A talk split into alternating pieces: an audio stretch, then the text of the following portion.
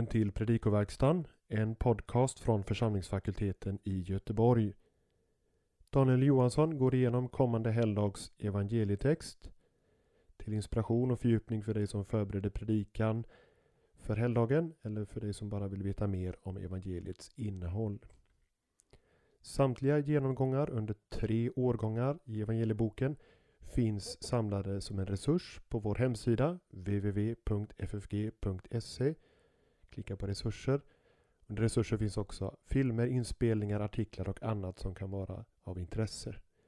Vill du stödja arbetet med podcast eller med resurser för allmänheten gå in på hemsidan och hitta sätt som passar just dig och din gåva. Men nu Daniel Johansson, god lyssning. Första årgångens evangelium för tjugonde söndagen efter trefaldighet kommer från Markus 3, verserna 31 till 35.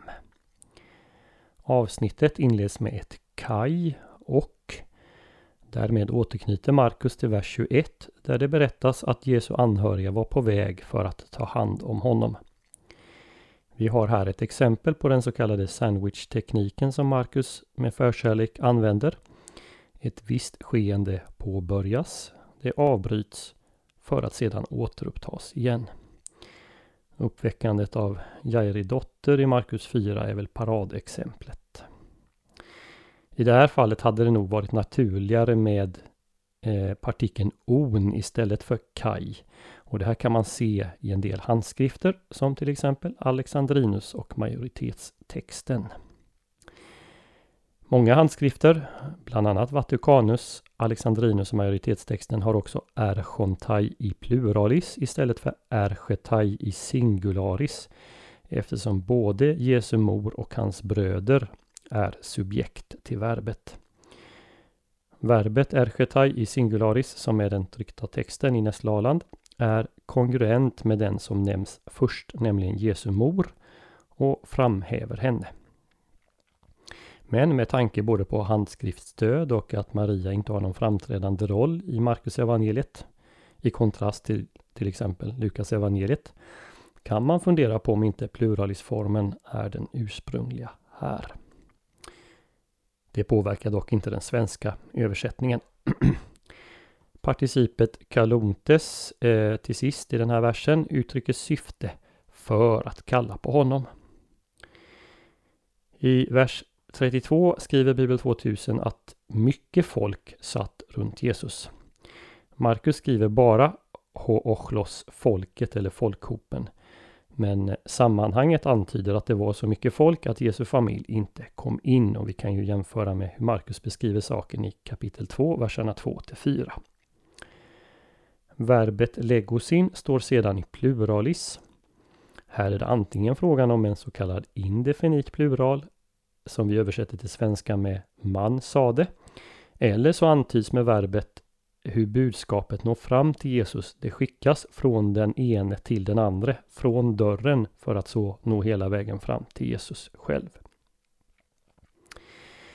Neslalan inkluderar i denna vers även orden Kai Hai Adelfaiso och sina systrar, eller och dina systrar. De står inom klamrar, inom parentes, som man är osäker på om det här ska ingå. Här är handskriftstödet relativt svagt och det är troligt, tänker jag i alla fall, att orden kommit in i texten eftersom Jesus eh, nämner systrar i sin utläggning i vers 35. De här orden översätts inte i vare sig Bibel 2000 eller Folkbibeln. Bibel 2000 eh, utlämnar i sin översättning också imperativen ido, se, medan det översätts i folkbibeln. Ido och idde, som sedan kommer i vers 34, är båda imperativformer av eidon, även om de i praktiken fungerar som interjektioner. Betydelsen är se. I Markus tycks det föreligga en viss skillnad i användningen. Ido används för att uppmärksamma något utan att man nödvändigtvis kan se det. Till exempel i 1.2, 3.32 eh, och 4.3. Medan idde används för att kalla mm, någon att se på ett fysiskt objekt i 2.24, 3.34, 13.1. Här i vers 2 används alltså ido för att uppmärksamma Jesus. Se, din mor och dina bröder är utanför. Adverbet exo i den här versen underförstår verbet eisin, de är.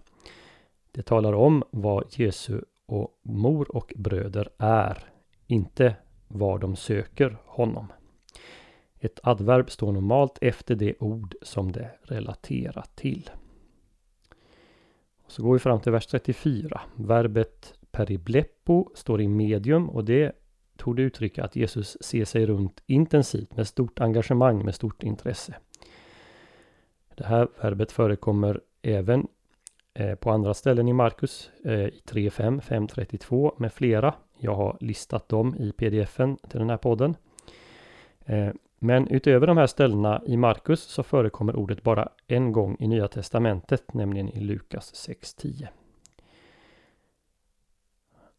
Dativformen kyklo fungerar som ett adverb med betydelsen runt omkring. Ordagrant är väl betydelsen i en cirkel. Sedan tar både Bibel 2000 och Folkbibeln 2015 idde i meningen här är Eh, medan folkbibeln 98 också återger ordet se, se här är. Med tanke på mönstret vi noterade bör vi nog inte underlåta att översätta se. Jesus uppmärksamma de som sitter där, vilka som är hans mor, bröder och systrar. Se min mor och min bror. Till sist i satsen Hosgar an poieset och thelemathouthio hotos och så vidare är hotos, det demonstrativa pronomenet detta, denne eller detta, överflödigt efter relativpronomenet hos som inleder satsen. Det ger därför en betoning. Den som gör Guds vilja, den är min bror, syster och mor. Vår läsning anknyter till tidigare teman i Markus kapitel 3. Som vi redan noterat omnämns Jesu anhöriga, hoi parauto, redan i vers 21. Men vi bör backa ända till vers 13 där Jesus kallar till sig några utvalda lärjungar och gör dem till apostlar. Jesus och apostlarna befinner sig tillsammans med en större skara i huset, enligt vers 20, när hans mor och bröder kommer. De vill ta hand om Jesus därför att de menar att han är från sina sinnen. Och sen följer diskussionen med de skriftlärda som anklagar Jesus för att vara besatt. Alltså både de skriftlärda och Jesu familj hyser felaktiga och negativa uppfattningar om vem han är och vad han gör. Båda grupperna tillhör de som står utanför cirkeln kring Jesus. De som eh, samlas kring Jesus lyssnar i regel till hans ord. Eh, jämför med 2.2, 2.13, 4.1-2 med flera ställen som jag också räknar upp i pdfen. Eh, och just det är väl troligen fallet här också. De sitter och lyssnar på Jesus. Och vi kan därför anta att vårt avsnitt på ett naturligt sätt också leder in i kapitel 4 som återger Jesu undervisning. Vi kan dela in vår korta text i två delar. Den första delen handlar om hur Jesu familj söker honom, verserna 31 och 32. Och den andra delen om hur Jesus omdefinierar sin familj, 33 till 35, eller kanske rättare definierar sin familj.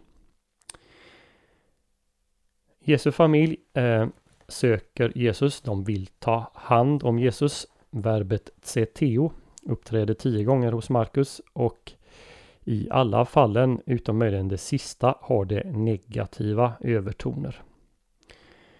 Vi kan anta att familjen inte lyckades, men Markus nämner inte saken. Jesu mor och bröder uppträder endast här i hela evangeliet, även om de också omnämns av folket i Nasaret i 6.3. Markus fokus här, det är på kontrasten mellan Jesu båda familjer. Två gånger sägs om hans mor och bröder att de är utanför exo i verserna 31 och 32. Folket som håller sig till Jesus å andra sidan är ekatheto periauton. De sitter omkring honom, vers 32. Och de och, och det uttrycks också på det här sättet. Tos peri auton kyklo kathe menos. De som sitter i en ring, i en cirkel runt omkring honom. Vers 34. Precis den här kontrasten tas också upp i nästa kapitel, kapitel 4 hos Markus, verserna 10 och 11. Där står om hoi peri auton syn tois dodeka. De omkring honom tillsammans med de tolv och det kontrasteras med tois exo, de utanför. Markus ger oss alltså i texten en, en, ett visuellt intryck av kontrasten mellan de som sitter runt Jesus och de som står utanför. Och han antyder därmed att det bara finns dessa två grupper i förhållande till Jesus. Den stora ironin i sammanhanget är att ett hushåll normalt har familjemedlemmarna på insidan och folket utanför. Jesu ord um, att de som sitter runt omkring honom är hans familj måste i den historiska kontexten betraktas som eh, skandalösa. Får vi väl säga. I Mellanöstern gick och går alltjämt familj, släkt och stam före vänskapliga relationer. Enligt vissa var det till och med så att det känslomässiga bandet mellan bröder och systrar ehm, är större än det mellan man och hustru. Jesu radikala hållning i denna sak märks också på två andra ställen i evangeliet, nämligen i samband med påskmåltiden som Jesus firar inte tillsammans med sin familj utan med sina lärjungar. Markus 14, 13-14. Detta trots att lagen föreskriver att den sker i familjen. Andra Mosebok 12, 3 och vers 26. Det andra exemplet är vid uppståndelsen eh, då det är lärjungarna Jesus skickar bud till inte familjen om att han är uppstånden. Markus 16.7. Jesus undervisar också i 10.29 om vikten av att lämna familjen för hans och evangeliets skull. Men väl att lägga märke till, Jesus polemiserar inte mot familjen som sådan. Det framgår av Markus 7, 8-13 och även 10.19. Men relationen till honom är viktigare än släktbanden. Finns det några anspelningar på Gamla Testamentet här? Ja, judarna såg återupprättandet av familjen som ett tecken på sluttiden. Bland annat Malaki 4.6 som sen återges i Lukas 1.17. Framförallt så finns här likheter med Jesaja 49, 18-21 och 60, vers 4. I det senare stället står det Sion ska lyfta sin blick och se runt omkring. Här används för övrigt adverbet kyklo i Septuaginta. De ska se runt omkring hur barnen kommer till henne. Det ska Sion göra. Eh, det som nu sker med Jesus, eh, eh, där i finns nog ytterligare en dimension i det Jesus gör som går utöver det här. För Jesus ser inte i första hand familjen omkring sig utan han skapar den genom orden Se min moder och mina bröder.